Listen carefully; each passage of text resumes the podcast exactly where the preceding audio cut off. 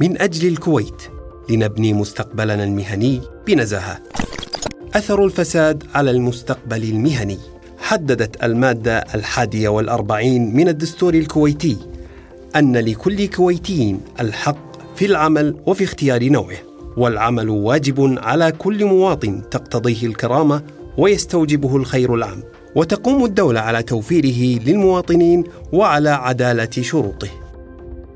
يعد الفساد أحد العوامل المقيدة التي تؤثر سلبا على فرص العمل المتاحة للشباب وعلى إمكانية حصولهم على فرص عادلة حين تقدمهم إلى الوظيفة إضافة إلى تراجع معدلات نمو التوظيف وازدياد معدلات البطالة وتدهور مستوى الإنتاجية والبطالة المقنعة ويؤدي الفساد بصورة مباشرة وغير مباشرة إلى انخفاض إنتاجية العمالة وتراجع الدخول. وينتج عن الفساد في مجال التوظيف تراجع مستويات المواءمة بين المهارات والوظائف مما يخفض من الإنتاجية ومستوى الخدمات ويقلل من معدلات نمو الناتج المحلي. معدل البطالة في الكويت هي الثانية خليجيا بنسبة بطالة المواطنين حيث تقدر بنسبة 6.4% من المواطنين. إحصائيات العمالة في القطاع العام لسنة 2019 411634 هو إجمال العاملين في القطاع العام. بنسبة 76.3% من الكويتيين. و23.7% من غير الكويتيين. إحصائيات العمالة في القطاع الخاص لسنة 2019 2.19 مليونا هو إجمالي العاملين في القطاع الخاص بنسبة 3.2 من الكويتيين و96.8%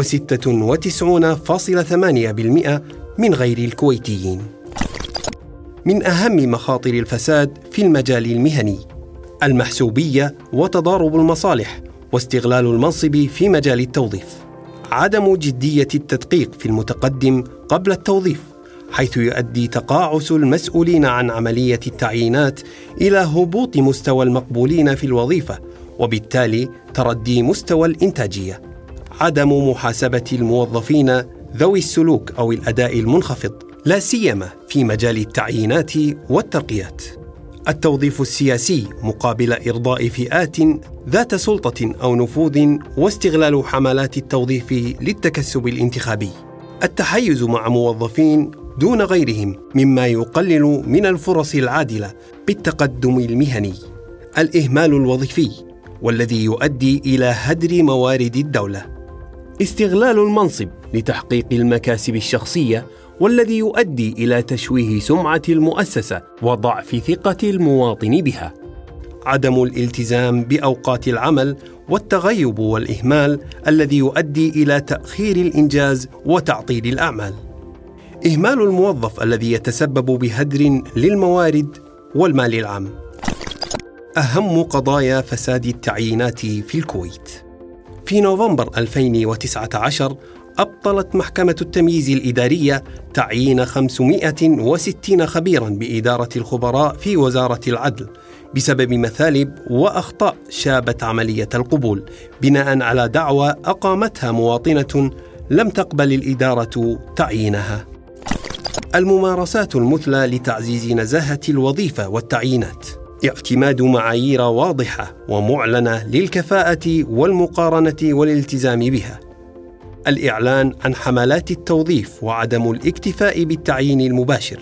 الإعلان عن حالات تضارب المصلحة في مراحل التعيين بين القائمين على التوظيف والمتقدمين للوظيفة. ميكنة الاختبارات والإعلان عن النتائج للمتقدمين.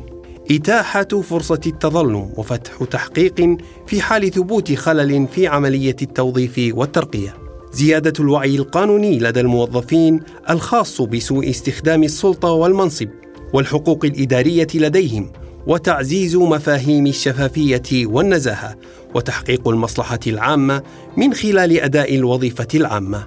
تعميم مدونات سلوك الموظف العام ومدونات السلوك المهنية مع التأكد من تطبيقها ومحاسبة غير الملتزمين بها توفير التدريب اللازم للموظفين على مدونات السلوكي الوظيفي وحقوقهم وواجباتهم الوظيفية. تشجيع الموظفين المثاليين والكفؤين ضمن الأنظمة المتاحة في المؤسسة والتأكد من معاقبة المهملين والذين يتسببون بهدر للموارد والمتقاعسين عن العمل. تدريب الموظفين التدريب الفعال والمؤثر الذي يطور من قدراتهم ومهاراتهم مما يحقق أعلى مستويات الإنتاجية واستغلال أمثل لموارد الدولة البشرية. تعزيز القيم الأخلاقية والسلوكية لدى الموظفين من خلال التدريب والتوعية والممارسة. مكافحة الفساد مسؤولية مشتركة. وظيفتك ترسم ملامح حياتك ومستقبلك وطموحك ونموك الوظيفي. والعدالة وتكافؤ الفرص هي حق دستوري ومطلب أساسي لحقوق الإنسان. فلا تتهاون في ترك بيئة الفساد تسلبك هذا الحق. لنبني مستقبلنا المهني بنزاهة.